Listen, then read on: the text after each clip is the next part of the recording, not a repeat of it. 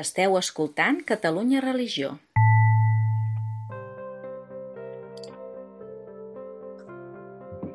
Benvinguts a la sessió de maig d'aquest curs del Club de Lectura en Fe de Llibres. Com sabeu, és l'espai que Catalunya Religió dedica a comentar els llibres triats pels nostres lectors que participen també del nostre club. Avui comentem el llibre 10 raons per creure en Déu, del periodista i guionista Oriol Jara i editat per l'editorial Albada aquest any 2022. És relativament nou. Avui, a més, comptem amb ell, amb la presència de l'autor del llibre, l'Oriol. Bona tarda, Oriol, i bueno, gràcies també per haver dit ràpidament un sí a, a venir al nostre club, que sabem que tens una, un tour que déu nhi Sí, sí, però bueno, molt a favor del tour. Ja els he dit a l'editorial que em portin on vulguin de fet, quan acabi ara vaig a una altra cosa, a, la, a una parròquia de Gràcia, que m'han cridat. Déu-n'hi-do. Pels qui no coneguin el llibre, llegeixo només l'apunt que fa l'editorial perquè tinguem una mica la idea de, de, de què parlem avui. Eh? Diu així, aquestes pàgines que tenim a l'obra són la confessió sorprenent i íntima d'una persona que es va posar a la recerca de la fe des de la raó.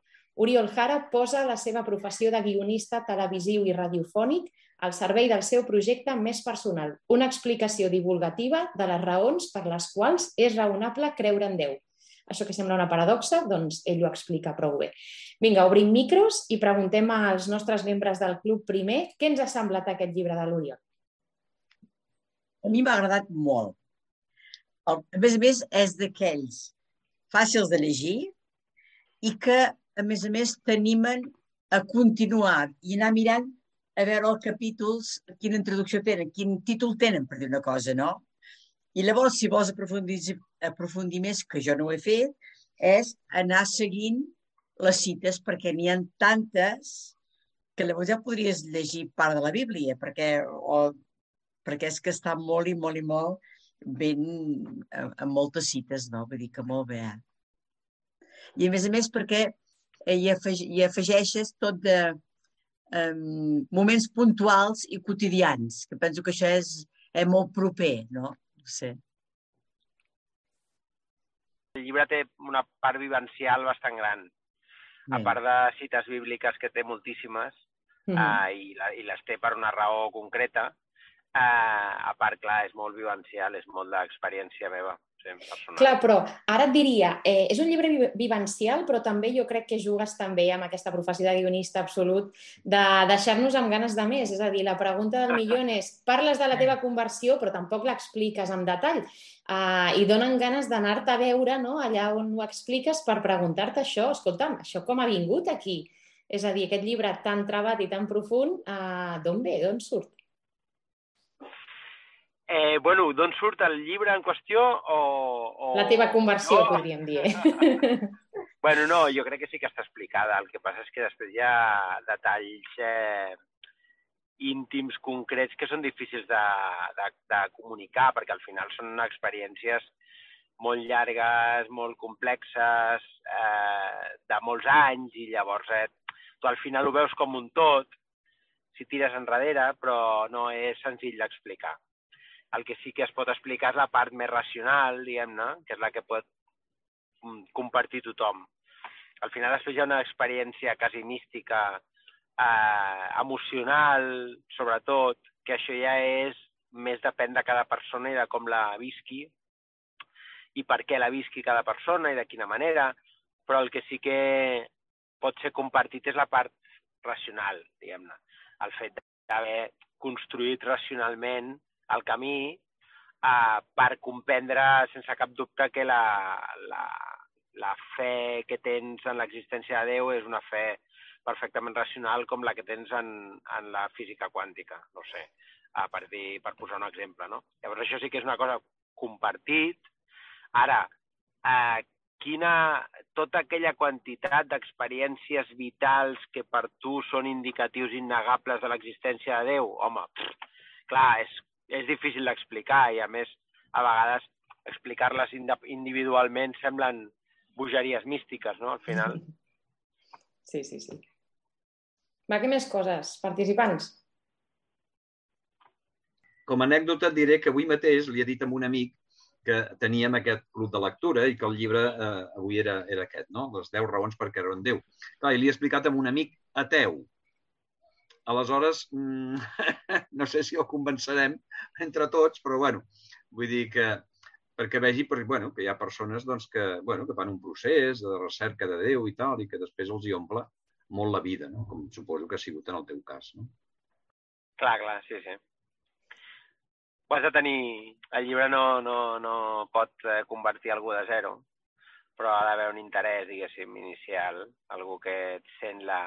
Al final, el que, en, en el cas dels ateus, el llibre el que ha de fer, la seva feina, diguéssim, és demostrar-los que, que Déu és una possibilitat factible per ells. És a dir, que no és una cosa impensable, sinó que grans ments de la història de la humanitat ho han plantejat com una necessitat fins i tot estructural a l'univers, no? Llavors, això de base és prou important que un ateu arribi a pensar que, que Déu és una variable factible, no? No una cosa mística, mítica, mitològica, imaginària. Aquest és el primer pas. Després, quan t'obres això, al final, l'ateisme el que intent sobretot és a, anul·lar aquesta variable. Treure-la del terreny de joc i d'aquesta manera eh, no haver de pensar-hi ni de reflexionar-hi. Eh, el que planteja el llibre és al revés, no? que Déu és una variable dintre del terreny de joc i, per tant, que hi hauríem de pensar d'alguna manera. De fet, jo mantinc contacte amb ateus de Catalunya, que és una entitat. Una entitat, estan reconeguts, estan inscrits i tal. Però és una mica el que tu dius. Vull dir, eh, ells la seva finalitat és precisament això, no? demostrar que Déu no existeix i, per tant, treure Déu de la societat, treure Déu de les nostres vides i, bueno, i fan que acaba, acaben convertint-se també en una mena de religió, no? Els seus, els seus postulats, no? Amb tots els meus respectes, però és que arriba un moment que fins i tot aquests darrers anys que a Barcelona s'ha organitzat allò de la nit de les religions, l'any passat se'ls va convidar amb ells, no? Sí, sí, també hi participen, sí, sí. Jo, amb tots els meus respectes, jo vaig discrepar, no? Perquè, vull dir, si és la nit de les religions, amb tots els meus respectes, però és que aquests senyors es volen carregar les religions. Aleshores, vull dir, potser hi ha un altre marc en el qual es pugui dialogar amb ells, però no precisament en una nit que està dedicada a les religions. No? bueno, jo crec que són irrellevants. Um, tant se val. Ells, eh, hi ha un llibre que es diu Estos son tus dioses i ells adoren altres coses. Als diners, a la a l'autofelicitat, la, al culte al cos, alimentació, a, no sé, bueno, ells adoren coses paral·leles, ells, en realitat la majoria d'ateus o els ateus no són ateus sinó que són, són pagans, són, són adoradors d'ídols, diguéssim. Uh, I tenen els seus propis ídols uh, per als quals donarien diners i fins i tot, uh, en el cas dels diners és claríssim, no? que és un ídol eh, són irrellevants en aquest sentit. I la força de Déu és que hi ha gent eh, disposada a invertir temps, esforços, diners en demostrar que no existeix, no? Això no passa amb el ratoncito Pérez, no? O amb, el, o amb els, jo què sé, amb Papa Noel. No hi ha clubs dedicats a demostrar que Papa Noel no existeix, bàsicament perquè Papa Noel no existeix. Déu, Déu sí que eh, hi ha clubs dedicats a demostrar que no existeix perquè és una realitat. És una realitat fins i tot històrica i científica, no? Més enllà del que, del que sigui dintre de l'Església. Per tant, hi ha tant, per això hi ha tant d'esforç en, en treballar-hi en contra. Belén, tens la matxacada, ens demanes pas. Sí, a veure, jo també agraeixo el llibre, Oriol, a mi m'ha agradat molt. El vaig conèixer per, per, pel fet de la reunió del club, Um, estic d'acord amb la Mari Carmen, no? que és un llibre que, que te llegeixes ràpid no? i que t'agrada molt i que vols passar de capítol a capítol, però, no, però després té molta profunditat. No? Podries agafar cada capítol i pensar. A mi em va sobtar una mica un capítol que parlava de les, de la, com que de la Bíblia que no hi ha cap error, no? Sí. I jo, vaig pensar, jo aquí sí que em vaig quedar una mica pensant, ai, no? Perquè de vegades trobes bueno, doncs que hi ha hi ha, hi ha capítols no, que repeteixen o que hi ha un, un passatge no, quan s'estudia una mica. I aquest sí que em va sobtar. Però a mi m'ha agradat molt i crec que mm, té com una doble vessant, no? Una més de molta dada i, i alhora també pues, aquest, aquest testimoni personal no? que veus, fins i tot quan, quan quan anomenes no, la teva dona o amics o així, no? És com un llibre bonic per, per tenir molta dada, però alhora ser com un testimoni d'una persona que et va parlant, no? Clar. Quin, quin és el, quins són els temes de la Bíblia que, que m'interessa? Uh, els errors de la Bíblia, que me'ls apuntaré. No, a veure, Luca, Luca, o sigui, quan estudies una mica com s'ha format la Bíblia i quan veus que de vegades hi ha passatges que estan repetits, no? I que de vegades bueno, doncs no sabem segur si aquest passatge s'ha posat o no s'ha posat en aquest lloc o si aquest autor... que mm, hi ha moltes coses que no estan demostrades del tot. Vull dir que són estudis i que tu veus diferents autors que van dient coses, no? Quan donava tant per, per fet no? Que, no, que no hi ha errors, jo sí que crec que amb aquest fil conductor no, que comentaves que, que, que, que té tot un sentit i una coherència, però a l'hora de no tenir cap error, però no són errors, hi ha errors que potser són de muntatge, hi ha errors que potser són de la persona que va copiar aquell text, vull dir que no, que els errors tenen un diferent, una, una diferent graduació, no? Però sí que em va bueno, cridar l'atenció. Sí, eh, sí, sí, si s'ha d'anar a cas per cas, eh? Uh -huh. Perquè si, si realment pensem que la Bíblia té problemes greus, s'ha de mirar cas per cas perquè i, i, i mirar si, té, si, té, si això és així o no. Eh, sí, hi ha, hi ha, hi ha trossos, eh, capítols sencers replicats, però, per exemple, perquè Reis i Cròniques repeteixen textos perquè al final ve a ser el mateix. És un relat històric sobre eh, els reis d'Israel després dels jutges. Eh, alguns profetes eh, tenen profecies quasi iguals, però això per mi és un exemple de coherència bíblica, no, no és un error. Eh, científicament és un llibre, malgrat estar escrit 5.000 anys, fa 5.000 anys, i, eh, i ser un llibre de religió, no és un llibre de mitologia. No explica que els eh, llamps siguin coses que tira Déu, no? No explica que els trons sigui eh, no sé quin Déu picant un martell.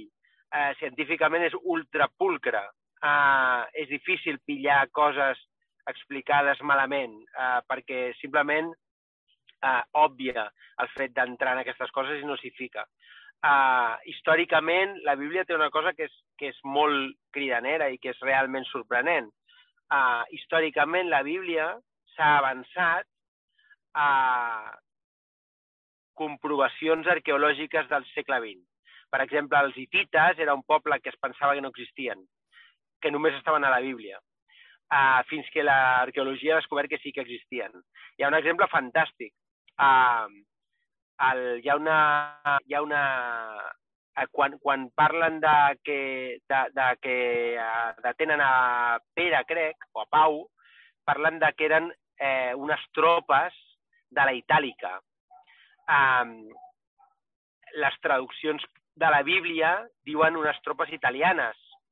Uh, la Reina Valera, per exemple, que és molt antiga, perquè ningú sabia que era itàlica, fins que van descobrir l'arqueologia que, la, que itàlica era Andalusia. Um, aquest tipus de coses, o per exemple, Lluc uh, cataloga i descriu amb una precisió perfecta, perquè era metge més, els càrrecs de les corts dels reis, dels reis d'Israel, dels, del, del rei que manava per ordre de Roma a Israel, dels càrrecs de l'emperador i del governador. És a dir, a nivell històric, la Bíblia, eh, sorprenentment, és molt acurada. No? Eh, llavors, quan hem de vigilar que, que nosaltres que som creients eh, no afegir llenya a les coses que a vegades es diuen sobre la Bíblia de manera genèrica, perquè és veritat que hi ha molts creients que no han llegit la Bíblia. I per tant nosaltres, si parlem de la Bíblia i eh, atribuïm problemes a la Bíblia, fins i tot alguns extrets de la teologia liberal alemanya, que moltes de les coses que proposen no estan demostrades, eh, podem fer que alguns creients que no han llegit la Bíblia comencin a desconfiar. i a pensar que, bueno, que creuen, però que creuen com a gent sense cultura, perquè els hi han dit que la Bíblia està molt malament, està equivocada i tal. Llavors hem de ser curosos i que si trobem una, una errada concreta, busquem per què passa, busquem què és i, i d'on ha sortit i per què aquesta errada, no? I que la, i que la controlem. Uh, perquè, insisteixo, hi ha prou mal ha fet Bullman i tota aquesta gent de la teologia liberal que han començat a portar eh, no, és que Isaías no el va escriure Isaías. I, bueno, vale, sí, però clar, al final tot això, que són teories científiques, exactament igual que els teòlegs que diuen que Isaías va escriure Isaías, que van tenir molt èxit fa uns anys i que ara s'estan posant en qüestió la majoria. No tant en el món catòlic, sinó sobretot en el món evangèlic també. Uh, bueno, eh, hem de ser curosos, sobretot perquè a partir de especulacions genèriques no creem ansietat a gent que és creient i que no ha llegit o que no ha llegit la Bíblia, que l'hauria de llegir, eh, per altra banda. Um, Oriol, en moltes de les entrevistes que t'han fet, eh, um, a partir de, del llibre, doncs, de publicitar una mica aquesta obra, sí que expliques que un dels objectius de fer aquest llibre era explicar-li a la gent um, que ser cristià eh, et fa feliç, no? et fa millorar el món i que no, que no has de tenir vergonya, diríem, que aquest avergonyiment doncs, col·lectiu que ha patit també doncs, el col·lectiu dels catòlics, doncs, que s'acabi, no? Um, no sé si t'has trobat tu en aquesta tessitura, és a dir, ara surts de l'armari públicament amb aquest eh, llibre com a catòlic, com a catòlic practicant, um, no sé si hi ha algú que ho ha rebut d'una altra manera, és a dir, o al contrari, eh, has reafirmat això, que surten avergonyiments que hi havia col·lectivament i gent que et diu doncs, moltes gràcies per aquest llibre perquè calia un llibre així. Bueno, hi ha de tot, clar. Hi ha gent que està agraïda, eh, gent creient que està agraïda que surti i sobretot aquest àmbit personal meu, professional, que és poc habitual, no? Eh, i després hi ha gent sorpresa perquè tenen moltes capes de, eh, de mentides i de prejudicis sobre l'Església i sobre el cristianisme i sobre la religió en general. Gent que segurament els més eh, sorpresos o inquiets són gent que creuen coses com el ioga o com que has de fer infusions de no sé què amb menta i que l'olor de la infusió fa que les bones energies entrin a casa. Aquesta classe de, de gent eh, que creu en la màgia eh, és moltes vegades la gent més sorpresa, perquè creuen que l'Església és una cosa dolenta, estructurada, eh, poc vivencial, jeràrquica, on hi ha una sèrie de càrrecs humans amb poder que controlen el pensament dels altres i no els hi falta raó en algunes coses. Eh? Però al final la fe en Déu és una fe molt poc màgica, és una fe molt sensata, és una fe en un legislador universal que s'ha revelat, que s'ha revelat d'una manera coherent, eh, que s'ha revelat a través dels homes, a través d'escriptors homes, i a través d'un llibre fet persona, que és Jesús, que és la concreció de la voluntat divina feta persona, no? Um, i, I és igual que la gent es sorprengui o no. La, la gràcia, crec, és que tu siguis coherent amb el que penses eh, i ho defensis perquè creus que és la millor manera de viure i que és millor. Uh, no hi ha ningú que jo li hagi dit que hagi passat un mal moment, una mort d'un familiar, i que jo li hagi dit pregaré per tu, que no hagi sentit agraïment per això, encara que no creguin. Per tant, uh, ser cristià és excel·lent i és boníssim uh, per tu i pels altres. No té, no té res dolent. Jo no, no, no estic confessant res que perjudiqui els altres, sinó que estic confessant una cosa que ajuda els altres fins i tot a costa meva a vegades, no? Jo dic també que m'ha agradat molt el llibre. Hola. Eh, hola.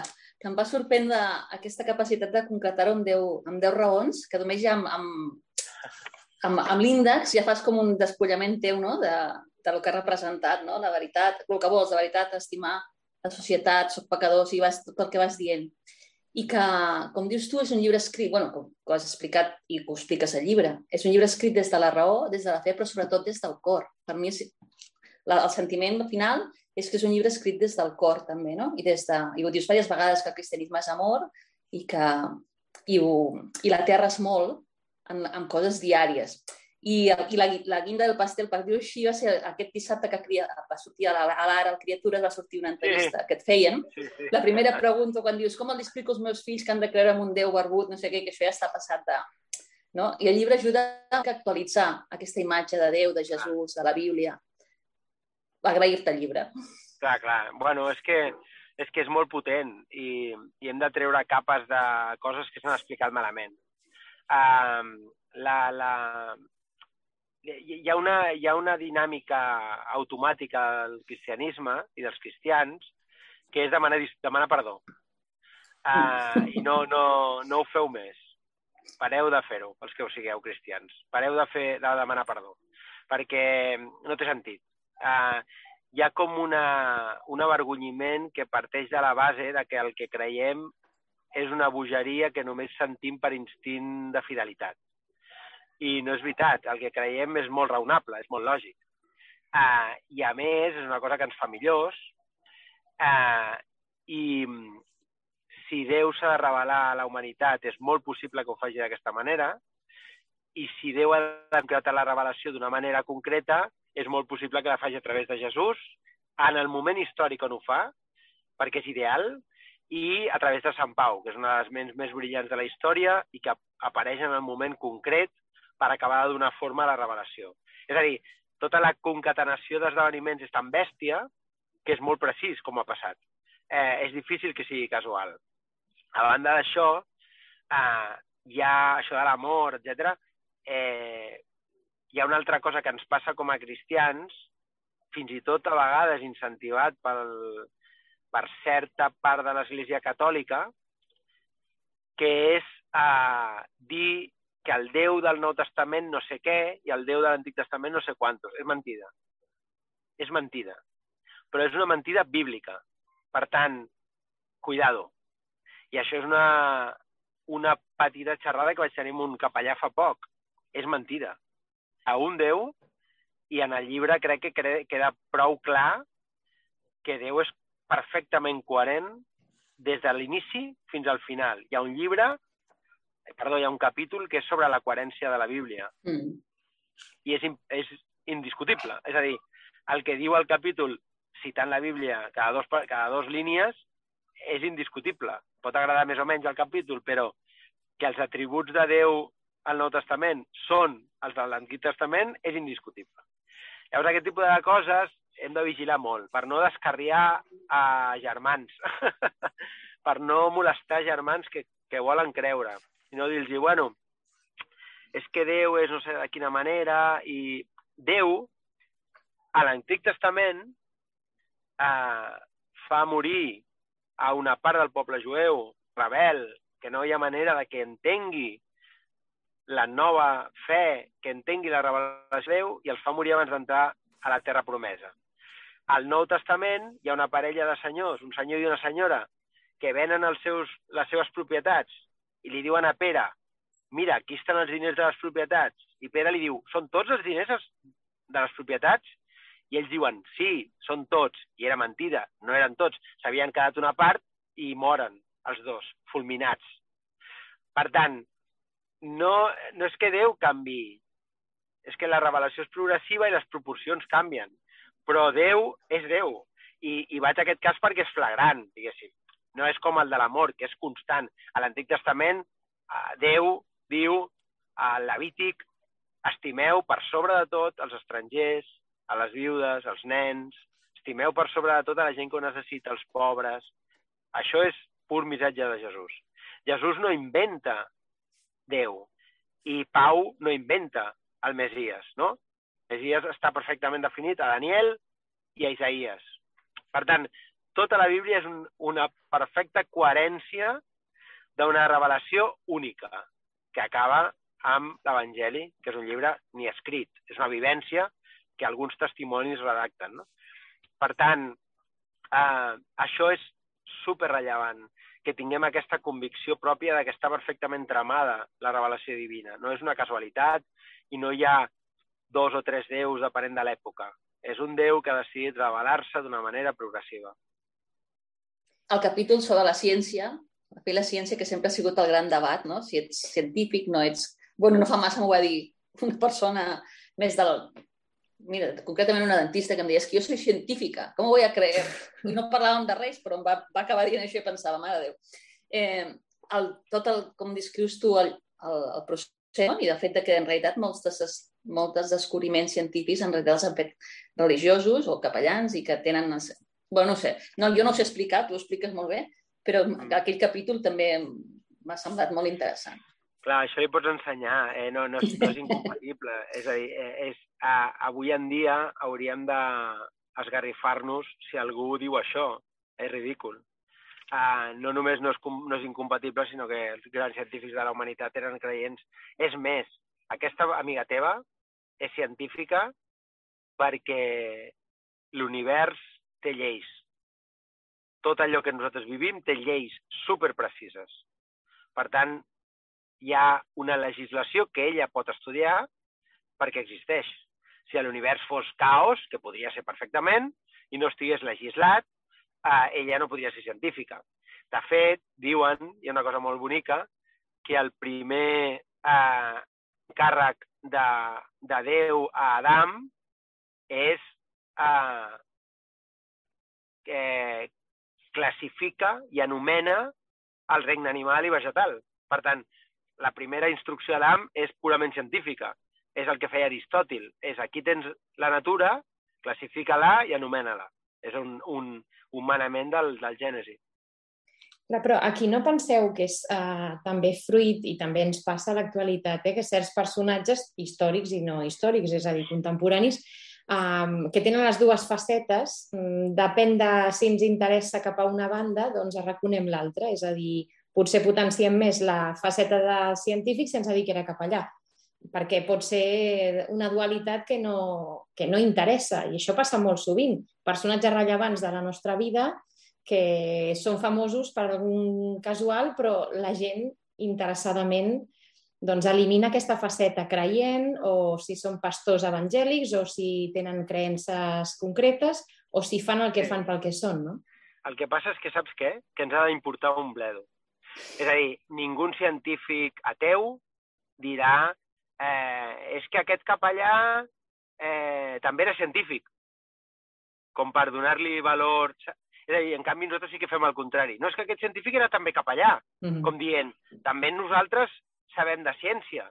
Ens ha d'importar un, un, un pepino, un pepino. Eh, no ens hem de defensar de res. La, la, la, la Bíblia és potent, és poderosa, és la paraula de Déu, hi ha prou evidències de que és una revelació de Déu, eh, hi ha evidències en el llibre, intento explicar-les, de la historicitat de la revelació en Jesús, eh, hem de llegir la paraula de Déu, practicar-la i explicar-la. I deixar de defensar-nos de la ciència perquè tots nosaltres sabem que és absurd. És a dir, mireu, és una cosa molt senzilla. Eh, va haver, a la història de la humanitat, una primera dona. Va haver una primera dona que abans de ser de néixer ella, no era dona. No sé si m'explico. Ah, la teoria de l'evolució, que és una teoria, ens porta a pensar, de manera innegable, que hi ha una primera dona que per primer cop a la història ja no és un animal que sigui, i és una dona, com, com les coneixem avui en dia. I aquesta primera dona és la mare d'allò que ve després. En ciències s'anomenava eh, Eva mitocondrial. Però és evident, és evident que si ho deia l'altre dia el Xavi Bundó a una entrevista que em va fer, què és primer, l'ou o la gana? Eh, primer hi havia un ou, d'aquell ou va néixer una gallina, però aquell ou no venia d'una gallina. M'explico? És a dir, hi ha un canvi, una mutació que de cop crea la primera dona i el primer home i aquests donen com a herència el que vivim ara.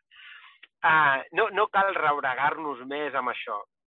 El propi, Charles, el propi Charles Darwin deia jo crec que existeix Déu, i que és un Déu que ha legislat l'univers. I gràcies a això nosaltres existim. No, i, i, si, si, si voleu eh, diguéssim, incrementar la vostra fe en aquest sentit, hi ha vídeos a internet i podcast del pare, del pare Carreira, que era un científic jesuïta fantàstic, que us deixaran molt tranquils i tranquil·les. però és que tenim la, tenim la Bíblia, tenim la paraula de Déu, eh, podem rebossar-nos, donar-li voltes, estar llegint cada dia, llegir la Bíblia un cop l'any sencera i viure la paraula de Déu tal qual ens ha sigut revelada, no? No, no, no cal lluitar en el terreny de joc de la ciència constantment perquè considerem instintivament que la ciència està per sobre. La ciència és part de la Bíblia, la ciència és part de la revelació de Déu. La ciència és, abans la ciència era també la, la història, la filosofia, la teologia, eren ciències. Ara no, ara la ciència és només la matèria, allò que tracta la matèria. Doncs deixem que la ciència tracti la matèria. M'és igual. Nosaltres tractem algo que és molt més que la matèria, que és la vida, la que hem de fer, què vol Déu de nosaltres i com vol que nosaltres visquem, no? I això és el que està revelat a la Bíblia de manera impecable, amb una actualitat increïble. Quan llegeixes el Levític o després els, les profetes o cròniques o reis, te n'adones que està parlant a gent actual. Jo el que em faig creus és com la gent d'aquella època podia entendre allò, quan veig clarament que està parlant de l'actualitat. És, és fantàstic. I tenint això i aquest valor i aquesta fe que ens han transmès els homes i les dones en que allò que van viure és veritat, jo no em pagaria més amb la ciència, perquè al final estem jugant a, en un terreny en el que eh, sortim perdedors perquè som com secundaris de la ciència, no? És com intentar demostrar que nosaltres també som una mica científics. Eh, no cal no convencerem a ningú per aquesta via, segur. Belén. Ah, només una cosa arrel de com, com anem xerrant, no? Jo crec que més que defensar, a mi el que m'agrada és que mm, entres en diàleg amb persones, no? Abans el Jordi ah, deia, no? De vegades estàs amb persones que són atees, no? I ah, bueno, el fet d'acostar-nos amb altres persones de diferents punts de vista, fins i tot dintre de la nostra pròpia història personal, hem anat fent un procés. Llavors, de vegades tenim una seguretat molt gran amb la nostra experiència, amb el nostre coneixement, amb el nostre sentiment i relació amb Déu, però les persones que tenim al davant no ho tenen tant, no? Em sembla molt bonic el teu llibre per poder eh, establir diàleg amb la gent, no? des de diferents punts de vista, no? des de la ciència, des de qui és Jesús per mi, des del tema de ser pecador, des del tema d'una conversió, des de molts punts. No? Però sí que és cert que de vegades quan, quan dialoguem Uh, potser hem de fer un pas enrere i no tenir aquesta seguretat que de vegades, uh, com que ens mengem el que està davant i l'altre diu, clar, tu ara estàs molt segur, però vull dir, jo estic aquí, no? Clar, I clar. No, és tant, no és tant una defensa, sinó, bueno, pues, a mi m'agrada molt el passatge de Jesús amb la samaritana, no? Com mica en mica, quan parla amb ella, li, li va fent no? Uh, un canvi, no? I bueno, és un diàleg que et va posicionar en, en, en un altre espai no sé com dir però bueno, però que és compatible, eh? és compatible, jo crec que, que tens raó de vegades amb aquest sentiment que tenim de, de, de tirar-nos enrere o de sentir una mica de, de que, no, que no hem de pensar que no... Però d'altra banda, mm, però clar, clar, deixo... És, totalment, totalment d'acord amb el que dius i és superimportant. Jo estic acostumat a parlar amb gent eh, no creient eh, i jo crec que la base és eh, intentar explicar-li que eh, tu, com aquesta altra persona, has buscat la veritat. Mm -hmm. És a dir, no estàs negant la, la teva intel·ligència per arribar a un objectiu pre, prepreparat, no? Al contrari, tu, com, a com el teu interlocutor, tens una inquietud cultural, espiritual, i has estat buscant quin és el camí i has trobat que allò que diu la Bíblia quadra eh, i que té sentit i que quan vas a la raó veus que Déu eh, és una veritat per Aristòtil i per Einstein. Per tant, jo sempre intento explicar, si em pregunten, eh, que això és un camí que m'ha portat al camí. No, no, no jo he forçat el camí per arribar en lloc, no? Uh, I si algú té alguna cosa que vol discutir, eh, doncs que m'ho expliquin, no? perquè potser m'interessa i, i em descobreix coses que jo no sé i és molt interessant. Vull dir, és un diàleg de tu a tu. El pitjor és quan no es vol, quan l'altra persona no vol parlar o parteix de ridiculitzar la, la premissa, no? però al final ridícul són, és això, és, és aquesta altra persona que no vol, escoltar o que no coneix uh, el teu camí intel·lectual per arribar-hi. No? Jo, jo, uh, no, no s'ha de, crec jo que tens raó, no s'ha de parlar avassallant, eh, ni molt menys, ni empenya ningú cap enlloc, no? Jo sempre, quan tinc entusiasme i passió, el, el tinc entre gent creient que, que vull corroborar-los que estan pensant en lo correcte, perquè realment eh, és el que, les coses que pensen i les coses que diuen són correctes i que han passat esdeveniments històrics. És a dir, però és que tot és molt fàcil de rebatre. Eh, quan diuen Jesús va existir o no? Home, jo crec que sí, el Jesús històric sí que va existir. I és com, mira, és l'esdeveniment de la història antiga millor documentat que hi ha. No hi ha cap esdeveniment de la història antiga millor documentat. Llavors es queden com, ostres, no ho sabia això, no? Clar, no saben moltes coses i tampoc ho sabem els cristians. Jo crec que hi ha, hi ha una... Jo, jo sóc molt nou, no? Però crec que hi ha molts cristians de, de sempre, tota la vida, que han donat per, per suposades coses i que no han... O sigui, que han pensat que això era una fe. Però no una fe com és la fe en Crist o en Déu, que és jo escolto, llegeixo i tinc fe en que això que m'estan dient és la veritat, no? Han pensat que, la, que era una cosa purament d'acord jo crec en Déu perquè jo ho sento així i, i això, bueno, és que, és que hi ha base per creure. No ha de ser una, una cosa només purament emocional. Uh, la sortida d'Egipte del poble jueu va revolucionar la regió. Tots els uh, habitants d'Orient Mitjà sabien que havia passat una cosa aberrant amb Egipte, no? És a dir, era Déu actuant en la història de la humanitat. Per tant, no era una cosa simplement de que els cananeus diguessin ai, jo és que sento en el cor que Israel ha estat alliberat d'Egipte. No, era com, ostres, ve una penya que ha estat alliberada d'Egipte per obra de Déu. No, no sabem com ha passat. I tenien por precisament del Déu d'Israel, no? Perquè venien... bueno, tot aquest tipus de coses, ostres, és molt raonable, no, no és gens... És que a més jo també he, he tingut una formació jueva del principi, fa molts anys, i el judaïsme és molt sensat en aquest sentit. És molt d'anar al, als, als fets i als textos eh, no hi ha pràcticament espiritualitat, tal com la coneixem nosaltres, el judaïsme, no? Hi ha complir la Bíblia, i punt. Llavors això també et dona una perspectiva diferent, no tan mística, que el, que el cristianisme té, té molts místics i fantàstics, però també té una part molt raonable, molt lògica, molt legal, molt històrica, molt filosòfica, que ens dona molt valor. Quan parlàvem de ciència i de, i de fe, que pensàvem en David Jou, de casa nostra, no? Un gran físic i a la vegada un gran creient. Quan vaig començar a llegir el teu llibre, Oriol, aquell de precisament a la, a la lectura bíblica em va sortir el, el capítol que parla de la primera carta de Sant Pere, que parla, vaig copiar la frase textualment, estigueu sempre a punt per donar una resposta a tothom qui us demani raó de la vostra esperança. No? I em va recordar, aquesta frase em va recordar molt les raons del teu llibre, no? Acabes d'esmentar una cosa que també em vaig prendre nota per preguntar-t'ho. Si no vols contestar, no contestis, eh? però em va cridar molt l'atenció. És el tema quan parles de, del judaïsme. No sé si, si és indiscreta aquesta pregunta, no? No, no, no. No, no hi ha... Mira, hi ha una cosa que diu Pau, que a mi m'encanta.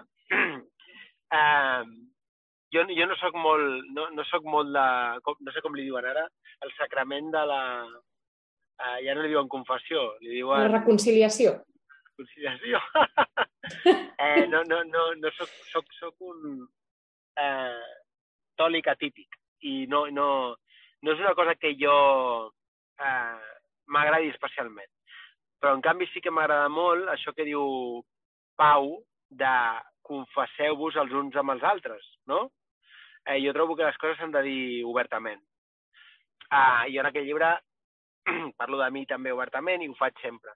En aquest cas no hi ha res, de, no hi ha res obscur.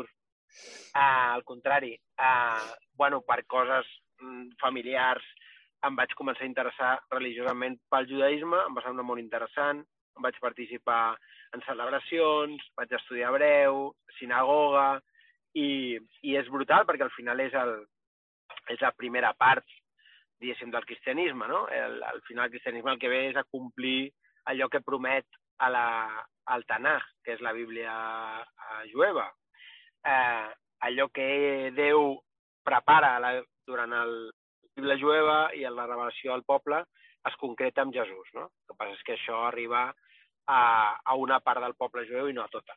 Llavors, això també m'ha donat una formació molt xula. Eh, la, la, la formació molt petita, eh? molt, no, no, no, no soc cap savi ni molt menys, però sí en Torà, en entendre com funciona el judaïsme, en entendre el judaïsme rabínic, que al final és una part del judaïsme, no tot, eh, històricament parlant, i bueno, això m'ha portat també, em va portar això mateix a Jesús, diguéssim, el camí. Va, un últim aspecte, perquè si no se'ns en va a l'hora del podcast i també l'Oriol té altres coses, però un, una de les parts que, que jo he, he apuntat, eh, perquè m'ha semblat bonic, és veritat que sovint el cristianisme l'hem presentat una mica de, de forma naïf, inclús la imatge de Déu, eh, que com deia l'Anabel, li presentem als infants eh, bueno, aquests eh, dibuixos que poden semblar molt importants i molt interessants a catequesi, se'ns ha quedat una imatge de Déu una mica salvífica. No? Um, tu poses clarament, s'ha marginat un aspecte essencial de la cristologia, el Jesús agonitzant, i sembla doncs, que aquesta part que jo crec que és uh, absolutament reveladora del que bueno, Déu vol per nosaltres i del que ens estima, doncs no es parla gaire. Tu creus que és així? Sí, jo crec que és així. En general hi ha un, hi ha un problema a l'Església, eh, especialment catòlica, que és la, eh, la, la, la, la conversió de Déu en, el, en una mena de, d'avi dels vèrters originals. Una mena de, de iaio entranyable, que, que et sentes al seu genoll i no? et cuida. I, um, I al final això és injust uh, per la humanitat, no? que Déu no sigui just. Uh, I a més, um, és, és bondat absoluta, eh? però també justícia, també el valor que té la, el sacrifici expiatori és el, el patiment i la mort. Llavors això, clar, fa mal rotllo, en realitat. Eh, després veus pel·lícules com La Passió i és incòmode, però aquesta incomoditat és menys de la que es va viure en aquell moment. Ah, I va ser revolucionari. El patiment de Jesús, la mort expiatòria, l'acte de, de Déu, de, a, el, el pagament del pecat i de les culpes a través de la mort expiatòria de Jesús, tot això és molt rellevant. És, jo crec que és l'únic capítol de tot el llibre que és teologia, entre cometes, no? Eh, molt contaminada de, de coses de teologia evangèlica que m'han agradat, coses de teologia catòlica, però al final és una cosa que estàs que és, que és molt plana, vull dir que no, no, no hi ha cap locura, és, és coses que ja coneixem, no? La mort expiatòria, el patiment, la tortura... Intento incidir a, en aquest sacrifici de Jesús perquè entenguem que davant d'aquest sacrifici expiatori tan bèstia, eh, la nostra la sol·licitud que ens fa d'obeir i d'estimar-nos és poca cosa comparada amb, amb el sacrifici extrem que fa precisament per marcar-nos el camí, precisament per demostrar-nos que quin és el camí que Déu vol de nosaltres, no? I, i com és capaç Déu de donar la vida eh, de manera extrema com a signe final d'amor cap a nosaltres, no? I, evidentment, com a justícia divina per pagar el preu del pecat original. Però, bueno, això és un altre, és un altre tema, no? Jo crec que és important recordar el patiment per sentir-nos agraïts pel fet de ser fills de Déu i de poder ser cristians, no? Crec que això és, és, és transcendent. No es pot amagar, malgrat que jo entenc que la societat d'avui en dia sigui incòmoda parlar-ne.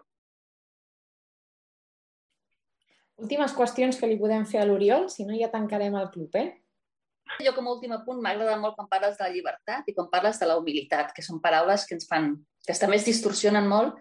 La de la humilitat ens fa por, no? com dius tu, que sembla que es rebaixi, i el de la llibertat, doncs, perquè si jo vull la meva llibertat, la dels altres, doncs, ja està, no? Però, en canvi, també ho dius, eh, el cristianisme es basa en pensar en els altres, també, i en servir els altres, i en estimar-los, i en que aquest, aquestes reflexions que apuntes aquí, la veritat és que les tinc molt marcades i subratlladetes. Que bé, que bé. Jo crec que és la, al final el llibre, en general, és una cosa molt vivencial. És molt de la meva vida, del que he viscut, uh, de la meva experiència i, ja et dic, eh, ara, li deia, ara ho deia fa un moment, a nivell teològic jo crec que hi ha un capítol que es pot considerar teològic, que és el de, el de la mort de Jesús, eh, i la, la majoria d'altres capítols són purament d'experiència vital meva i de, i de procés de conversió eh, emocional, intel·lectual. Vull dir que és interessant en aquest sentit. És bastant despullar-se el llibre, no?, en aquest sentit. Mm. Jo aquests llibres els qualifico com a llibres de tauleta, eh? Uh, perquè per mi el moment de llegir, no? doncs, el llibre de la tauleta és aquell que et pot uh, perseguir durant un any, però que trobes un moment i en, en qüestió de conceptes doncs et parla sempre. No? I jo crec que és un llibre molt sintètic, que realment sempre valoro molt els llibres sintètics perquè els que parlem tant Uh, és, una, és una virtut que jo ho veig uh, una enveja absoluta cap a tu, la capacitat sintètica que has tingut d'un procés llarg i que no, no és fàcil, um, posar-lo sobre paper en poques uh, pàgines és d'agrair. Sí, jo també un agraïment una ràdio final, no? Perquè, bueno, el que deia abans algú, no? El tema dels títols, els dibuixos, les cites bíbliques, un capítol petit, no? Hi ha, molta, hi ha molts petits detalls que fan que te'l tornis a llegir, que tornis a pensar una cosa que dius, no? Que hi ha una cosa única que està expressada, moltes coses. És un gran llibre. O sigui que moltes gràcies. Que bé, a vosaltres. Jo tinc, la, tinc molt la sensació que, sense voler ser un místic, eh, tinc molt la sensació que el llibre està, que està tan pes i dirigit per escriure'l, i això és totalment així. Uh, jo fa poc el tornava a llegir i pensava, bueno, no, no són frases meves. I ho pensava realment. Tinc la sensació que moltes de les frases que dic en el llibre no, no, no són meves, sinó que d'alguna manera eh, m'han empès a escriure-les i em fa molt feliç aquesta sensació d'haver estat un, un, una eina, no? Doncs moltíssimes gràcies a tu, Oriol, per, eh, bueno, per la participació avui, també a vosaltres que heu participat al club i als qui ens escolten, recordeu, el, la propera sessió del club és un llibre totalment diferent. El 7 de juny a les 6 ens trobem per comentar el llibre L'apicultor de l'Ep, de Christy Leftery, i que és editat per Columna Edicions. És un llibre diferent eh, al que hem comentat avui, però aquesta, aquesta és la gràcia també del club, anar fent llibres diferents, recomanats en aquest cas pel Jordi, aquest llibre de l'apicultor, i esperant que us connecteu i que ens seguiu a través del podcast de Catalunya Religió. Moltes gràcies. Gràcies a vosaltres.